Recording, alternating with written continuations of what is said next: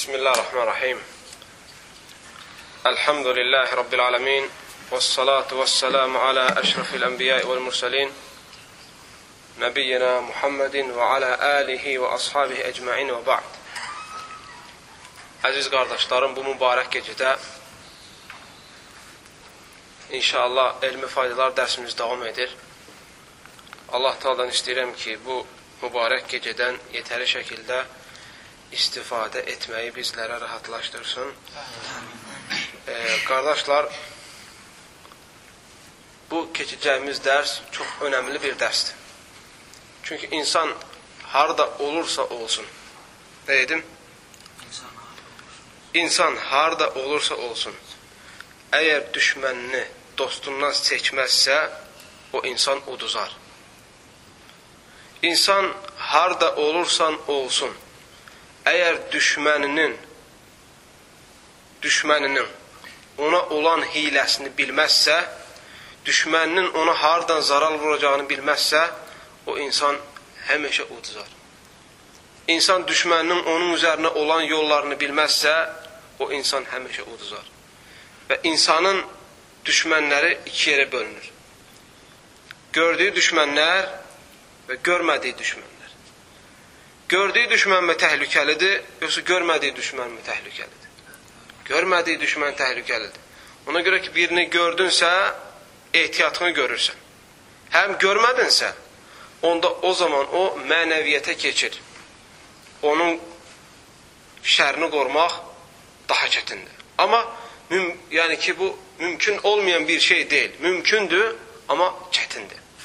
Bu baxımdan da bu dərsimiz şeytanın insana olan yollarından danışacaq. Hansı yollarla şeytan insana zərər vura bilər? Elm əhli deyir ki, şeytan altı yolla insana zarar vurmağa çalışır. Altı yoldan, yəni ən məşhur olan altı yoldur. Bu, bir müsəlman bu altı yolu bildirsə, şeytanın ona zarar verəcəyi bütün yolları bağlamış olur. Adətən nəyə görə bu insanlar şərdə, fitnədə, fəsadda fərqlidir? Kimi görürsəm çoxlu günahlar eləyir, kimi ondan biraz az eləyir, kimi ondan biraz az eləyir və s. kimi.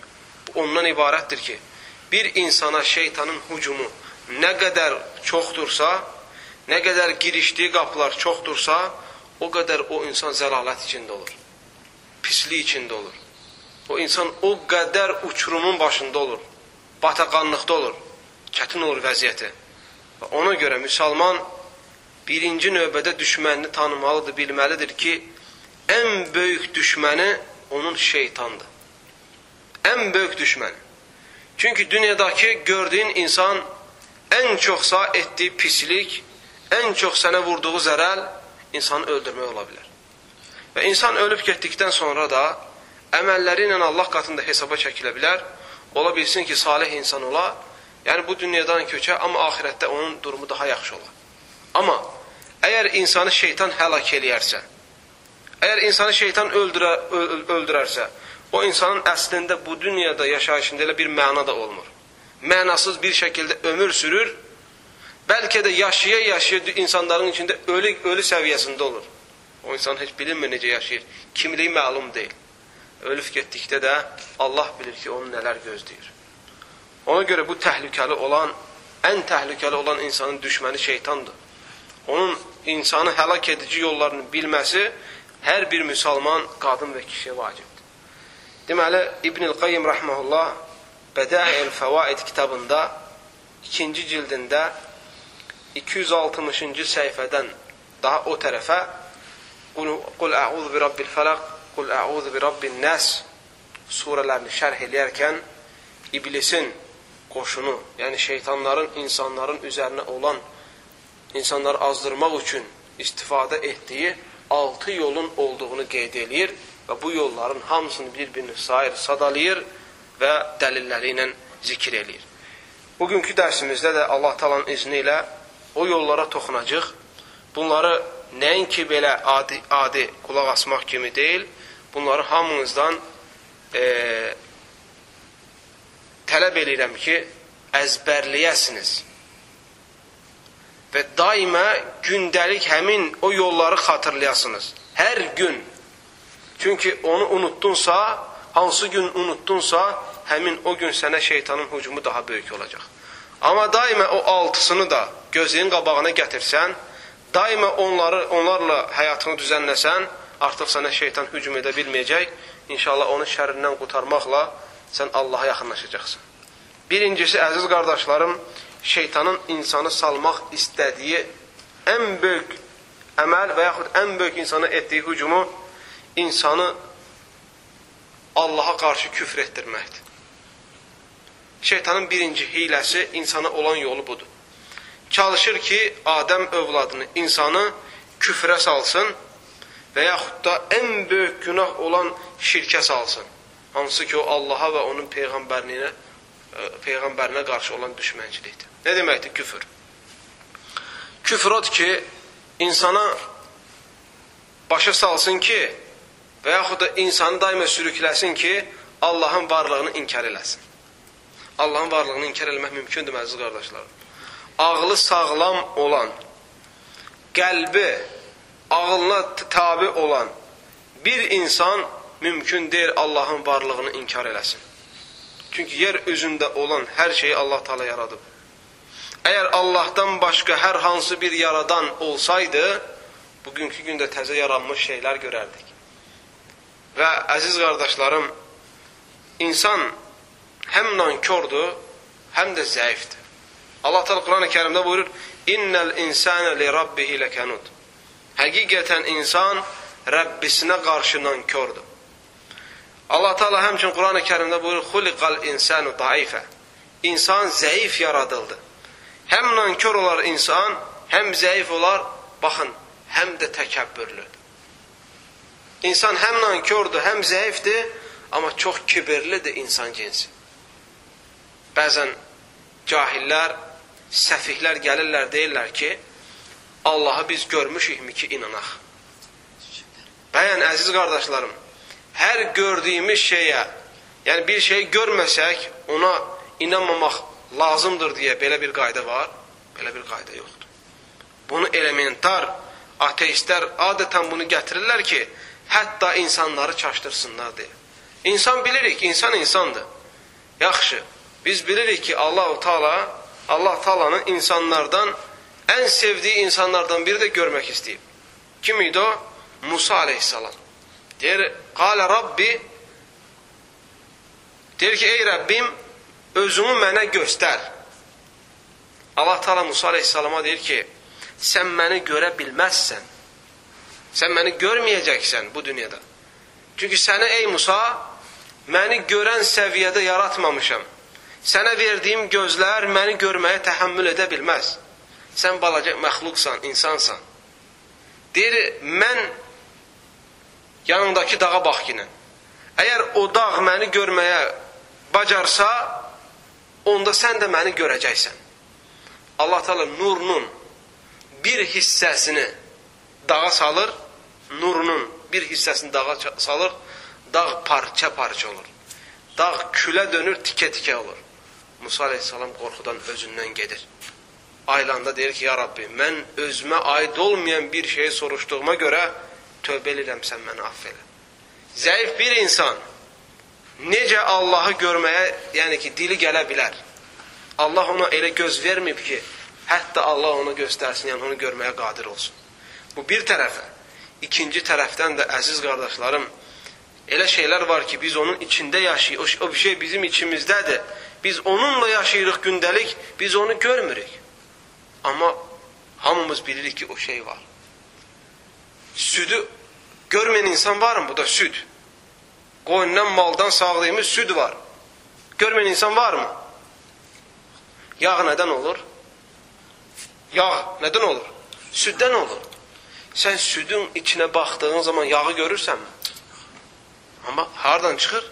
Yağdan çıxır, süddən çıxır yağ. Sən inkar elə bilərsənmi ki, yox, bu südün içində yağ yoxdur? Bilə bilməzsən. Hamı bilir ki, insanın nəyi var? Ağlı var. Sən ağlın varmı? Var. Ağlın varmı? Sən bizə ağlını göstərə bilərsən? Bilməzsən. Biz bilirik ki, sən ağlın olmasa, sən gəlib bu məclisdə oturmazdın. Sən gedərdin başqa yerdə oturardın. Amma sən bir onu deyən insan olsun. Onun özünə də demək olar. Deyir ki, sən bizə deyirsən ki, Allahı göstər, inanaq. Onda onu adama demək olar ki, onda sən səfihsən. Ona görə bu sualı verirsən. Əgər ağıllı insansansa, onda sən ağıllığını göstər, biz də sənin ağıllı olmağını inanaq. Göstərə bilməz. Əgər bu insanlarda olan şey görmək mümkün deyilsə, varlığını bilə-bilə biz hər şey yaradan, hər şeyi gücü çatan, izini olmadan bir şeyin olması mümkün olmayan biri necə görə bilərik? Amma əziz qardaşlarım, möminlər Allah Taala'nın cənnətdə doyana kimi görəcəklər. Allah onları göstərəcək özünü. Çünki biz Allahı görmədən ayətləri ilə Allaha iman gətirmişik. Və Allah da vəd eləyib ki, kim məni görmədən mənə iman gətirərsə, mən özüm ona göstərəcəm. Allah bizi Allaha cəmalını görənlərdən etsin. Amin. Deməli, əziz qardaşlarım, şeytanın insana olan ilk hücumu insanı küfrə salmaqdır. Allahın varlığını inkar etdirməkdir. Həm şeytan bunu bacardısa, onda o gün bayram eləyir. Şeytan bayram eləyir. Sevincindən az qalır həlak olsun. Belə deyək, loru dillə desək bəlkə də düzgün gələr. Çünki insanı ən böyük istədiyi şeyə salmış olur. O da nədir? Küfür. Allah inkar eləsin. Bunu bacardısa şeytan vəssalam. Çünki onun əbədi cəhənnəmə gedəcəyindən əmin olur. Eyni zamanda çalışır ki, Allaha ortaq qoşsun, şirk qoşsun. Şirk insanların çoxuna gizlidir. Yəni, ibadətin hər hansı bir növünü Allahdan başqasına sərf eləsin. Namazı, məsəl, qurban kəsmək kimə aiddir? Kimə kəsirik qurbanı? Allah. Qurbanı aparıb, hansısa bir kilsədə, hansısa bir qavrun üstündə, hansısa bir ziyarətgahda, hansısa bir pirdə kəsmək olarmı? Kəsmək olmaz. Nəyə görə? Çünki ibadət Allah Teala Quran-ı Kərimdə deyir ki, siz kəsdiyiniz heyvanların nə əti, nə də qanı Allaha çatmır. Ancaq sizin qəlbinizdən keçən Allah rızası üçün kəsirəm dediyiniz o çatır Allah. Ona görə namaz qılmaq kimə aiddir? Allaha aiddir. Sən Allahdan başqa hər hansı bir daşa, qavra, nə olur olsun, gedib ona namaz qıla bilərsən, səcdə edə bilərsən, bilməzsən. Çünki o səcdə Allahdan başqa səcdə olunan heç bir şey səcdəyə layiq deyil. Çünki onu da Allah yaradıb, səni də Allah yaradıb. Hər iki yaradılmışların bir-birinə bu hörməti göstərməyə icazəli deyil. Və yaxud da dua. Bizim dualarımızı eşdən kimdir? İnsanlara bax, hərəsi dünyanın bir tərəfindədir, hərəsi bir dillə danışır. Allahdan hərə öz dilində işləyir. Kim nə dillə istəyir, istəsin, Allah qatında eynidir. Allah qatında bütün dillər eyni dil kimi, bir dil kimidir. Qəlbindən keçəni də Allah təala insanların bilir. Biz Allahı qoyub da ölmüş bir insanı ya gedib hansı bir kilsədə, ya hansı bir daşdan, ya hansı bir qavurdan, ya pirdən, ya ziyaratdan özümüzə yardıma çağıra bilərikmi? Də bilərikmi, ey filan ma kömək eləyinə, ey filan ma uşaq verginə, ey filan ma xatadan baladan qor, mənə mal ver, devlət ver, övlad ver deyə bilərikmi? Deyə bilməzik. Birincisi bu, o bizə verə bilməz, o verə bilməz. İkincisi də odur, kim verir, onu, ondan istəmək lazım. Baxırsan, insanlar nə qədər nankordursa ki, hər şeyə gücü yetən Allahı buraxıb gəlib qəbirlərə tapırlar. Qəbirlərə sitayiş edirlər. Filanın ziyaratıdır qoyma, filanın piridir qoyma, o bizi eşidir.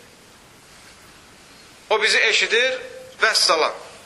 Allah Teala Quran-ı Kərimdə buyurur, əziz qardaşlarım, İnnehu men yushrik billahi faqad harramallahu aleyhi'l cennə və ma'vahun nar və ma lizzalimin min ansar. Həqiqətən kim Allaha şərik qoşarsa, ortaq qoşarsa, ibadətin hər hansı bir növünü Allahdan başqasına sərf eləyərsə, Allah ona cənnəti haram eləyər, onun gedəcəyi yer cəhənnəm olar, orada onun heç bir köməkçisi olmaz. Başqa bir ayədə Allah Teala buyurur: "İnna Allah la yaghfiru an yushraka bihi və yaghfiru ma dun zalika limen yasha." Həqiqətən Allah Teala ona ortaq qoşanları bağışlamaz və yaxud ona ortaq qoşulmağı bağışlamaz. Ondan aşağıda olan günahı istədiyi kəslərə bağışlayar. Şeytanın hiyləsi budur ki, insanı ya küfrə salsın, ya da şirkə salsın. Çünki kim küfr üzrə, şirk üzrə bu dünyadan ölüb gedərsə, o insan əbədi cəhənnəmlikdir. Cənnətin iyini belə duymayacaq. Ona görə Allah Taala şeytanı lənətləyib cənnətdən qovanda şeytan deyir ki, mənə möhlət ver. Qalə Rabbi ənzirni ilə yevmi yub'asın. Qalə innəkə minəl munzarin. Qalə fəbimə əğveytəni ləəqudənnə ləhum siratəkəl müstəqim. Sonra gəlir, sümmə ləətiyənnəhum min beyni əydihim və min xalfihim və an əymanihim və an şəmailihim və lə təcidu əksərəhum şəkirin. Deyir, ya Rabbi, sən mənə möhlət ver. Şeytan Allahdan möhlət istəyir. Allah tal deyir, sənə möhlət verdim. Sən möhlət verilənlərdənsən. Deyir, ya Rabbi, sən, mən insanları çaşdıracam. Sənin doğru yolundan insanları azdıracam. Onları zəlalətə sürtləyəcəm. Onları mən zəlalətə sürtləmək üçün, haqq yolundan uzaqlaşdırmaq üçün, haqq yolundan qopardıb ayırmaq üçün sağlarından gələcəm, sollarından gələcəm, qabaqlarından gələcəm, arxalarından gələcəm. Hər tərəfindən onlara hücum eləyəcəm və sən insanların çox azını şükür edən görəcəksən. Allah Taala əziz qardaşlarım bizə düşmənimizi bildirir. Ona görə kim düşmənini tanısa, ondan qoruna bilsə, Allah onu qoruyacaqdır. Başqa bir ayədə deyir ki, sənin deyir, ancaq bütün qullarını çaşdıracam, sənə ixlasla ibadət edən qullarından başqa. Allah Allahdan həqiqi şəkildə qorxan insanlar qoruyacaq. Şeytanın hücumunun bütün qarşısını Allah təala alacaq, qoymayacaq sənə zərər versin. Allah səni daima himayə edəcək. Deməli, ilk şeytanın insana olan yolu, şərri birincisi nə idi? İnsanı küfrə və yaxud da şirkə salmaq istəməsi. İkincisi, əgər şeytan bu yolla bacarmasa, insanı azdırmağı, gücü çatmasa, səni şirkə, küfrə sala bilməsə, tutaq ki, bu qapını bildin.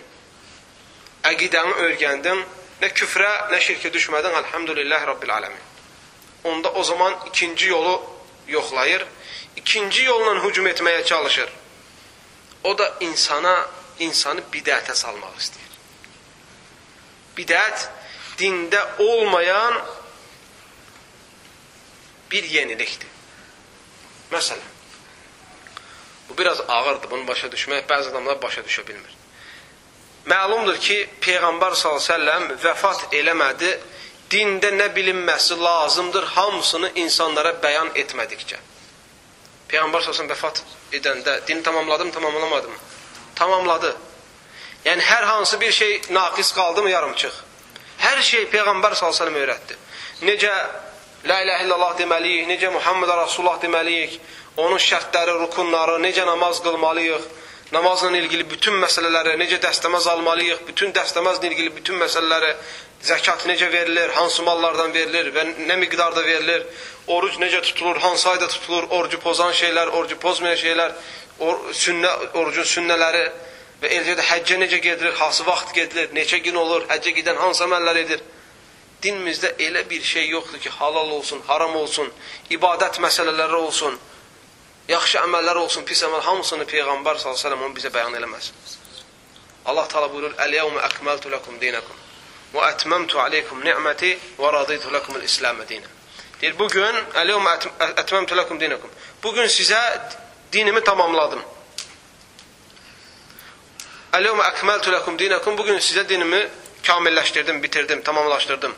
Və ətməmtu aleykum ni'məti və sizdə olan nemətimi də tamamladım və raditu lakumul İslamə dinə və sizə din olaraq İslamı seçdim.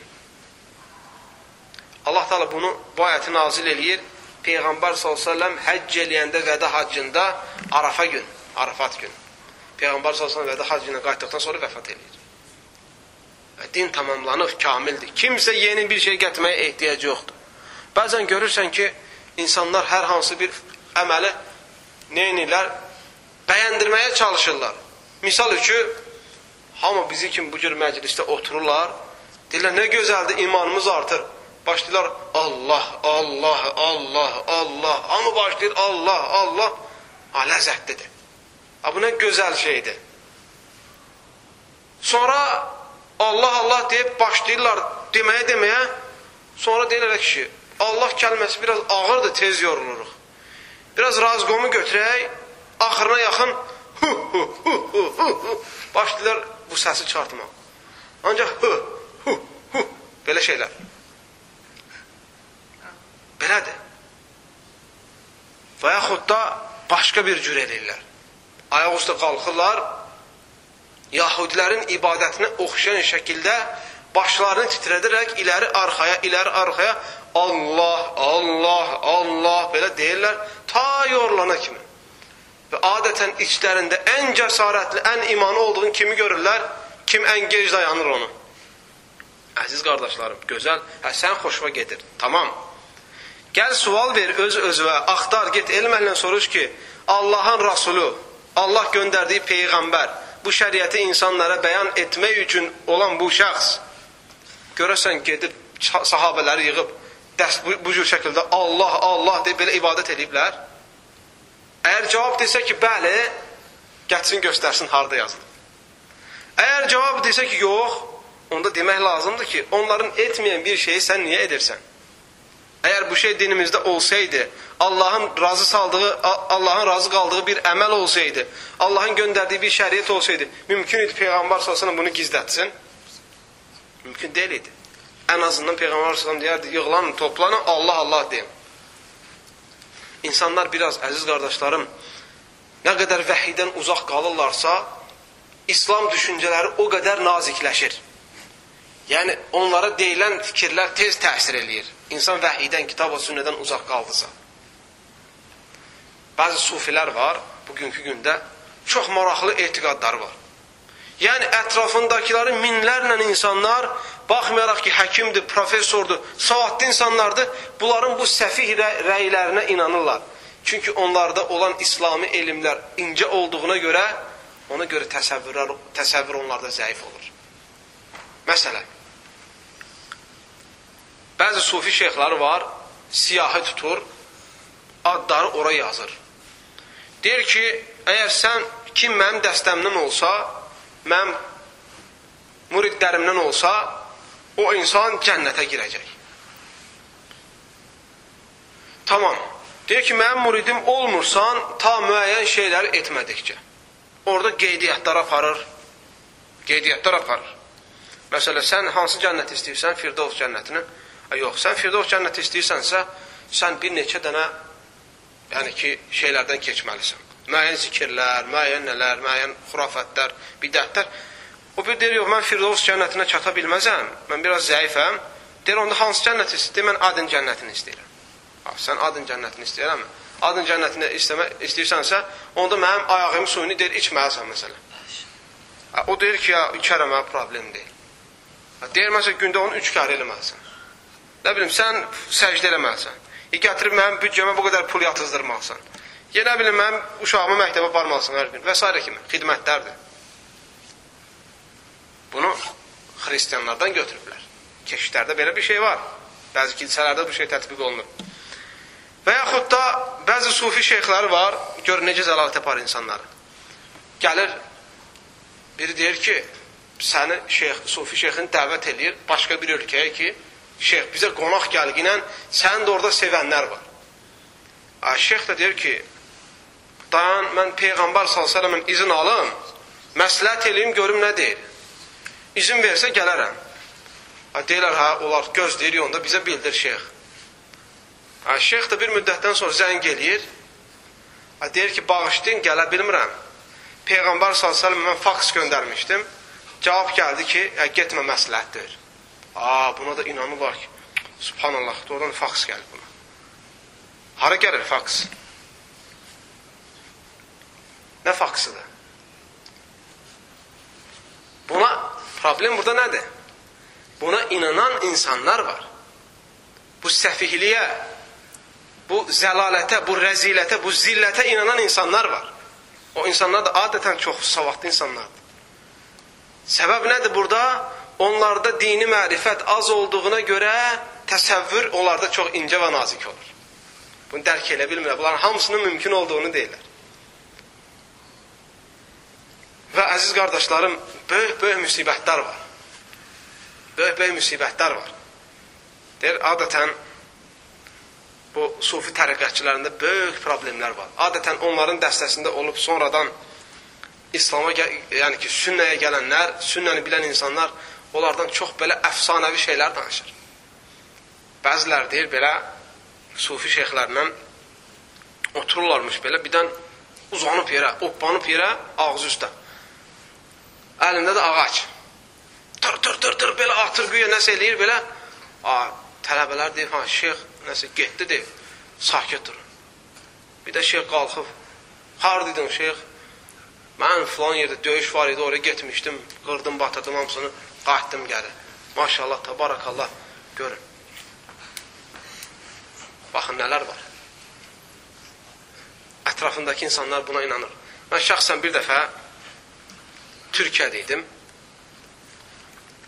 İstanbul şəhərində səfər, səfərdəydim. Nəysə bir yerə gedəsi oldum. Taksi gəldi. Oturduq taksiyə, mən bir yerə apara, yolda gedirik. Mənə deyir ki, nə millət? Sən dedim belədir. Deyir, müsəlmansan? Deyirəm, bəli. Söhbət elə ilə gedirik. Baxdım ki, mənə, mənə deyir ki, sən filan şeyxi tanıyırsanmı, filan şeyxi tanıyırsanmı? Adətən sufi şeyxlərini sayır. Mənə birinin dedi adını, a dedim tanıyıram onu. Bunu tanıyıram deyəndə gözləri də oldu. Deyir, olarmı sən bir 5 dəqiqə mən gecikdirəm? Deyirəm, olar. Problem yoxdur. Yəqin nəsə bir harası gedəsidir, bir dükana düşəsidir, ya bir problemi var. Maşının içində gözlə deyir məni. Deyirəm, olar. Maşını çəkdi yolun qırağına. Səhv eləmirəmsə, orada da maşını saxlamaq qadağan idi yol nizamına görə. Nəysə, kişi ürəyi sıxıldı, saxıldı, saxladı maşını, oturduq. Cibinin, qoyun cibindən bir dənə kaşlok çıxartdı. Mən elə bildim, bu düşüb gedəcək. Yox, kaşlok çıxartdı, kaşloku açdı. Kaşloku açdıqdan sonra içindən bir dörd künclü şəklində belə paket çıxartdı. Paketin üstü də e, izolentlə bağlıdır. İzolasiya ilə bağlayıbdır. Onu dənizə atsan da su keçməyəsidir. Bunu düşündü ki, kəsim, kəsməyim, açım, açmayım. Nəysə bu izolenti kəsdi. Onu çıxartdı, başqa bir kağıza bükülüdür. O kağızı açdı, qızıl fason belə şey olur, material, qızıl. O siqaretin içində olur ha belə. Qızıl fason olur və yaxud da belə də, bəzi yeməklərin üstünü qayırırlar onunla. İçindən belə bir kağızı açdı, paketin içindən o çıxdı. Onun içindən də o çıxdı. Nə isə ürəyim partlayır ki, bu nə çıxardacaq görəsən ya Rabbi. İçindən bir dənə şəkil çıxartdı. Deyirsən, bu zatı tanıyırsanmı? Deyir, bu nur zatı. Şəkilə baxdım. Ha dedim, bunu tanıyıram, mən görmüşəm bunu. Ağladı, başladı ağlamağa. Öldü, öldü ağlamaqdan. Məni də kövrəltdi. Dedim, nə olub görəsən, bu bir müsibət olub. Mən də belə pis oldum. Ha, nə olub? Ha, bu adam buradadır, gedək mən sana aparım, onun əlindən ağlını öpkünə. Ha, dedim ki, mənim işim, gücüm yoxdur burada. La havlə və la quvvət illə billah. Bu, mənə yolda bir şey danışdı. Deyir ki, sən deyir, gedəcəksənmi? Mən də dedim, bugün gedirəm, səfərim var. O dedi ki, nə olar dedi, bu axşam qalasan burada. Axşam şeyxin duası var dedi. Ha? Gedək dedi, sən də orada iştirak elə, bəlkə Allah səni bağışlayır deyir. Ha, dedim ki, mən getməliyəm. Sözün qıssası əziz qardaşlarım, bu insan o qədər insana vurulmuşdu ki, yolda öz etiqadını danışa-danışa getdi. Adətən o məni təbliğ eləmək istəyirdi, dəvət eləmək istəyirdi. Deyir ki, mən belə bir şey var, onu gözlüyüm qabağına gətirməsəm, yatsam mənə yuxu haram olar. Ondan sormasında mən onu gündə neçə dəfə xatırlamasam, mənim günahlarım aff olmaz. Mən soruşdum ki, sən buradan hardan, mən bunu hardan götürmüsən sən? De, biz bunların hamısını oxuyub adamın yanında öyrənmişik bir əqidə olaraq. Orada yetişibdi, elə bir ki, nə vaxtsa, bir diplom götürən kimi, orada hazır olandan sonra bir dənə şəklini veriblər, bu vəziyyəti salıb şəkildə çıxıb gedir. Mən təsəvvür elədim ki, görəsən, ya Rabbi, mən bu, bu mən, yəni tutduğu ilk adamam mı, yoxsa hər adam tutanda həmin variant mı olur? Qısacası hoqqalar çoxdur, əziz qardaşlarım. İnsanlar ki, dinə yanaşmırlar, dini din əhlindən götürmürlər, elmi elm əhlindən götürmürlər, onda o zaman adətən etdiklərindən də bexəbər olurlar.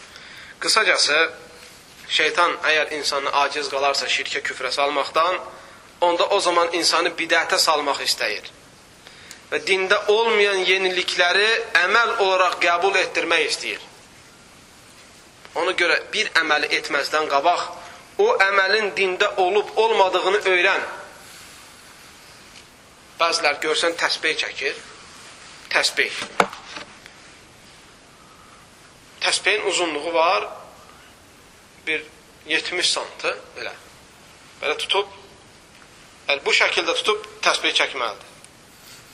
Yəni, özüm gözümlə görmüşəm. Bu şəkildə durub belə təsbih çəkir. O yorulmur, neyini belə çək, gözəl təsbih zikr elə. Subhanallah elhamdülillah və la ilahe illallah, Allahu akbar. Gözəl, elhamdülillah rabbil alamin. Lakin bunu formalaşdırıblar. Yəni, belə belə durmalısan təsbih çəkmək üçün. Tamam. Bu bir variant gördüm ki, belə. İndi ikinci variant var idi. Belə çəkirdi, əl, təsbih, əlini ürəyinin üstə qoyur, təsbih də sallanır aşağı.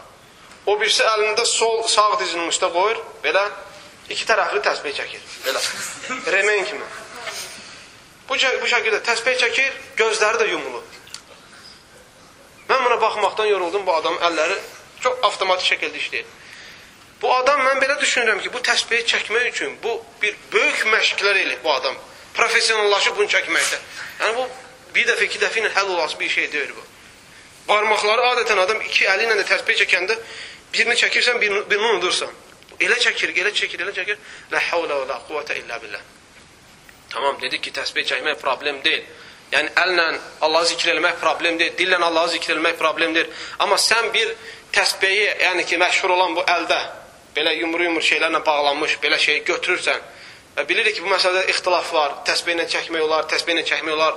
Bəzi elm əhli icazə verir, əgər adam sayı unutursa və yaxud da riyakarlıqdan qorxursa, və yaxud şöhrətpərəstlikdən qorxursa və s. kimi bunu icazə verənlər də bu şərtlə verir. Amma demir ki, sən onu qaldır, millətin içində alnının tuşunda tut, əlini iləri ver, belə çaq qaçaq, çaq qaçaraq o təsbih çək. Və yaxud təsbihin birini ürəyinin üstə tut, o birisini də sağ dizinin üstündə taraf-taraf remen işləyən kimi belə təsbih çəkirsən. Və deyir ki, başqa cür çəkmək olmaz. İlla da belə təsbih çəkməlisən. Belədir əməl eləyirlər əziz qardaşlarım, amma baxmaq lazımdır ki, əməlin iki şərti var. Allah əməli qəbul eləmir, əməldə iki şərt olmadıqca. Birincisi, həmin əməli Allah rızası üçün etməlisən ixlasla. İkincisi də etdiyin əməl Peyğəmbərin gətirdiyi şəriətdə gələn kimi olmalıdır. İki şərt. Həm Peyğəmbərin gətirdiyi şəriət uyğun olmalıdır. Yəni, bir əməl edəndə bax ki, bunu Peyğəmbər beləm eləyib. Beləm təsbih çəkib. Peyğəmbər salsan beləmi dəstəməz alıb? Namazı beləmi qılıb? Zəkatı beləmi verib? Həcci beləmi eləyib? Orucu beləmi tutub? Hamısında əməllərini Peyğəmbərin gətirdiyi şəriətlə ölüş biçkinlə. Yoxsa ehtimal var ki, bidətə düşəsən. Ehtimal var ki, yoxsa bidətə düşəsən. Bidət də çox təhlükəlidir. Çünki bidət əhli çox zaman tövbə eləmir. Günah kimi deyir, tövbə eləmir. Öyle bilir ki, etdiyi bidət nədir? Dinləndir və onu din olaraq qəbul eləyir və onun üstündə davam edir. Ona görə Peyğəmbər s.ə.v buyurur ki, فَإِنَّ كُلَّ بِدْعَةٍ ضَلَالَ Müslimdə gələn hədisdə hər bir, həqiqətən hər bir bidət zəlalətdir. Və innə kullə dalalətin finnar. Və hər bir zəlalət də cəhənnəmdədir. Hər bir bidət zəlalətdir. Hər bir zəlalət də nədir? Cəhənnəmdədir. Əgər şeytan bacarmasa, sən bidətə salmağa, onda salacaq səni böyük günahlara. Üçüncü yol işlədir. Üçüncü yola baş atır. Tutaq ki, əlhamdülillah Rabbil Alemin, bütün əməllərini kitab və sünnət üzrə qurursan, heç bir sıxıntı yoxdur. Girişə bilmir. Onda səni salır böyük günahlara. Böyük günahlara salır. Zina etdirməyə çalışır. Haram mal etdirməyə çalışır. Zülm etdirməyə çalışır namazı buraxmağa çalışır. İstəyir ki, namaz, namazı buraxdırmağa, istəyir ki, namazı buraxasan. Zina eləyəsən, içki içəsən, söyünç sürəsən, haram mal yeyəsən, başqasına zülm eləyəsən, oğurluq eləyəsən, yalan danışasan. Bunlara səni salır, salmağa çalışır. Haqsız yerə qan tökəsən. Əgər bacarmasa şirkə, küfrə, bidətə salmaq, onda sənin böyük günahlara salır. Adam böyük günahları biz sizinlə vaxt düşürük, qardaşlar. Bir neçə halda. Birincisi, əgər böyük günahın təhlükəsini bilməsə. İkincisi, salih insanlarla oturub durmasa, üçüncüsü də bir insan elm öyrənməsə. Sən gəlib günah eləyənlərin içində oturdunsa, sən də onlar kimi olasın. Get zina eləyənlərin içində otur, zina eləyən bir gün, iki gün, üç gün, axırda onların biri olacaqsın. İçki içənlərin içində oturdur, bir gün, iki gün, üç gün, üçüncü gün sən onlardan biri olasın. Oğurluq eləyənin için, o, içi, edənlərin içində get dur, bir gün, iki gün, üç gün, dört gün, sənin üçün sonra bu şey adiləşəcək. Onlardan biri olacaqsan sən. Hər şey elədir. Siqaret çəkmək, yalan danışmaq, kibirlənmək, təkəbbürlənmək, özündən razılıq. Hər şey insanın oturub durduqlarını insanlardan insanlara adlayır. Ona görə diqqət yetirin. Günah və fəsad əhlindən uzaq durun. Günahkar insanlarla, fasıq insanlarla, Allahın qoyduğu şəriət tapdalayan insanlardan uzaq durun. Onlardan dost olmaz.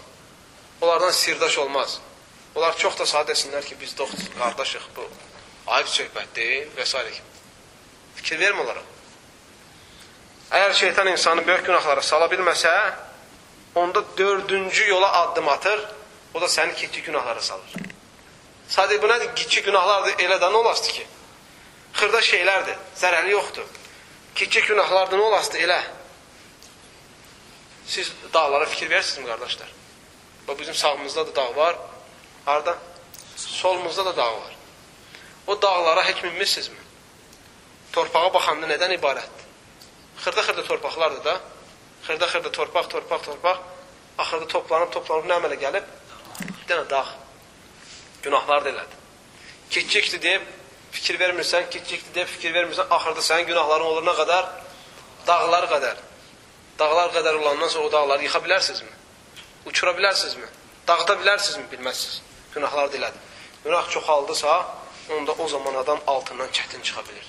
Ona görə də kiçik də olsa, günahlardan qaçmaq lazımdır. Ona görə sələflərin biri deyir ki, sən baxma günahın kiçiliyinə, bax kinə kimə qarşı çıxırsan? Qarşı çıxdığın böyüklüyünə, Allahın böyüklüyünə. Əgər səni bu yolla da azdıra bilməsə, onda beşinci yola addım atır. O da sənin mübah olan şeylərlə məşğul edir. Mübah olan nədir? Halaldır. Nə haram döyürü, nə onu etsən günah yoxdur, nə etməsən, nə etsən savab yoxdur, nə etməsən günah yoxdur. Mubahdır, yəni icazəli olan şeylərdir, onunla məşğul eləyir. Məsələn, yuxu. Yuxu halaldırmı, haramdır? Halaldır yuxu, yatmaq olar. Yatana savab, durana günah varmı? Adi şeydir. Amma bir insana başlayır mubah olan bu cür şeylərə məşğul eləməyə. Yat həyat, yat həyat, yat həyat. Sən yatanda kim elm oxumalıdır. Sən yatdınsa, sənin rızqını kim gətirməlidir? Səni mübah olan şeylərdən yayındırır. Zikirdən, təsbihdən və s. kimi ibadətlərdən. Yemək yemək nədir? Onlar da mübah olan şeylərdir. Ye, hə, ye, ye, hə, ye, deyir, iştah gətir. Deyir, iştahın yoxdur bugün, bir dənə salata ye. Salatanı yedim, bir dənə turşu ye. Turşunu yedim, bir dənə kompot iç üstündən. Nə bilim, duzu ye ilə. Bir də baxırsan, partlayırsan o şey. Bir dənə yanından bir dənə belə bir dənə vursan elə top kimi partlamalısın. Ay ondan da deyirsən ki, bu qədər yemişəm ay kişi, mən hərəkət mi elə bilərəm? Mən məscidəm gedə bilərəm, mən namazım qıla bilərəm. Amma mənim günümə bax. Ha? Elə deyil. Ha? Elədir. O ataların bir sözü var, deyir, saman səyən döyürü, samanlıq da mı səyən döyür? Hara doldurursan? mübah işlərlə səni o qədər məşğul edir ki, axırda səni mühüm işlərdən qoyur. Əgər mübah işlərdən də səni qoya bilməsə, o yolu da onun da qarşısını alsan, yenə izin verməsən ona, onda o zaman iki fəzilətli əməllə qarşılaşdıqda səni savabı az olan əməllə neynir? Məşğul eləyir. Məsələn, iki əməl var. Bu da savabdır, bu da savabdır. Amma birinin savabı çoxdur. Məsələn, birinin savabı 100-dür, birinin savabı 10-dur. Onda səni məşğul edir savabı az olanla. Nə ilə? Az olan. Sağ az olan. Misal üçün, sənin dostun deyir ki, sənin dostun çağırır. Deyir ki, gedək ma, yoldaşlıq elə, gedək buradan çörək alaq gələk. Dostu, dostunla gəlib yoldaşlıq eləmək, onu tək buraxmamaq savabdır. Allah rızası üçün. Anan da deyir ki, ay oğlum, get su gət içim. Hansının sözünə baxmaq Allah qatında daha xeyirlidir? Ana. Burada şeytan səni nə edir? Məşğul eləyir, deyir, get o dostunla get. O xətrinə dər o dostundur. Amma anan öydədir. Və s. kimi sənə vəsvəsələr gətirir, sən qoyur burada. Və yaxud da nə məsələlər? Bəzən, bəzi yerlərdə var, dua etmək daha əfzəldir namaz qılmaqdan. Bəzi yerlər var, namaz qılmaq daha əfzəldir dua etməkdən. Belə yerlərdə hansının savabı azdır, onunla sən məşğul eləyir. Məsələn, bir dənə rivayət var. Bir kişi durur, cümə günü məscidə gedir. Yolda gedərkən ayağı sürçür, yıxılır palçığa. Düşür üstü başı, palçıq. Deyir ki, mən gedib hazırlanıb, gələnətən cümə xutbəsi qutaracaq. Nəysə fikirləşir, şeytan vəsvəsə verir ki, bunu yıxıb ki, bu adam gedib cüməyə savab qazanmasın, qayıtsın. Elcə də cümə günü şeytan çalışır ki, hamı gec gələ məscidə. Gəlmək istəyirsən, hə, gedərəm də, xütbə saat 2 işləmiş başlayır da, mən gedərəm də, nədir? Amma elə deyir, bu desinlər filan klubda kino var, sən axırıncı seriya, axırıncı şey çatmağa dərsən, yox, xaş Əvvəlinə baxmayan da axırına maraqlı olur. Xütbə də elədir. Əvvəlinə çatmadınsa, axırı maraqlı olmur. Cümə gün gəlmək istəyirsən, dayan bir çay içim gedərəm, nə bilim mən gedim orada biraz bunu eləyim gedərəm, bunu eləyim gedərəm, filan çağırım gedərəm. Gəlsin axıra çatırsan. Nəysə bu adam gəlir yolda yıxılır. Yox, söz verir ki, yox. Mən çıxmışamsa getməliyəm. Nə olur olsun. Qayıdır evə, əynini başını təzdən də dəyişir, yola düşür cüməyə. Ora çatanda bir də büdürür, yıxılır suyun içinə. Ha, deyir, bu dəfə deyəsən, gedəsi olmadı. Nəysə, qərar verir ki, yox. Gənə gedib paltarını dəyişir, gələsidir bu. Gedir yenə üstünü başını dəyişir, tez-tez gəlir cüməyə. Ora çatanda bir adam qolundan tutur bunu, yavaşca oradan addatır, meçidin gətirir içinə. Buraxanda bu deyir ki, səndən deyir, Allah razı olsun, təşəkkür edir, çox sağ ol. Yəni məni oradan kömək elədin, bir də yıxıl, yıx, yıxılmamaq. Nəysə gedəndə deyir ki, bilmək olarmı sən kimsən, sən mənə belə yaxşılıq elədin. Yəni mən bunu unutmayım da yəni. Bir gün qabağımdan gələrsən, mən də sənə hörmət eləyim. Deyir ki, gəl məni soruşma kim olduğumu. Deyir, yox, deginən. Deyir, mən şeytanam, deyir. Deyir, olmaz, şeytan, şeytan nə adamı meçdə gətməklə. Deyir, mən bildiyim odur ki, şeytan insanları azdırır. Deyir, bilsən nə var? Deyir, sən birinci dəfə gəldin, yıxıldı, yıxdım ki, səni cümləyə gəlməyəsən və səni savabdan məhrum eləyəm. Deyirsən, bax, sən səbr elədin, yolundan dönmədin, Getdin üstünün başını dəyişdirib gəldin. Allah Taala sənin atanı, ananı, ailəni hidayət elədi. Elədiyin yaxşı işə görə. Pis oldum deyir. Deyir, gəl səni ikinci dəfə yıxdım ki, heç olmasa onu o yenə getmə cümləyə. Deyir, sən yenə səbr elədin, qayıtdın. Allah Taala deyir, sənin qohum əqrabanın hamısını hidayət elədi. Deyir, üçüncü dəfə qolundan tutdum, apardım ki, birdən bu dəfə yıxsam bütün kənd İslama girər. Yaxşısı odur, get namazını qıl, o cəmaat İslama girməsin. Nədir burada? İnsanların çoxu İslama girmək mi savablıdır? İnsanların İslama girməyinə səbəb olmaq mı savabdır, yoxsa cümə namazını qılmaq mı? Kəndin İslama girməsi, İslama girməsinə səbəb olmağın cümə namazı qılmağından daha əfsəldir. Belə hallarda şeytan nə elədi? Savabı az olanı dedi ki, get bunu elə, o birisi sənlik deyir bu yolu da bildinsə, onda o zaman şeytan sənə yaxın düşə bilmir. Allahdan istəyirəm ki, bizi şeytanın şərrindən, fitnəsindən qorusun. Amin. Allah Taala bizi hifz eləsin öz hifzi ilə Amin. və ən qəddar olan gördüyümüz və görmədiyimiz düşmənləri şərindən qorusun. Allah Taala onlarla mübarizə etməyə bizlərə güc və qüdrət versin. Və sallallahu və səlləmə və barik alə nəbiyinə Muhammed və alə alihi və sahbihi ecmaîn.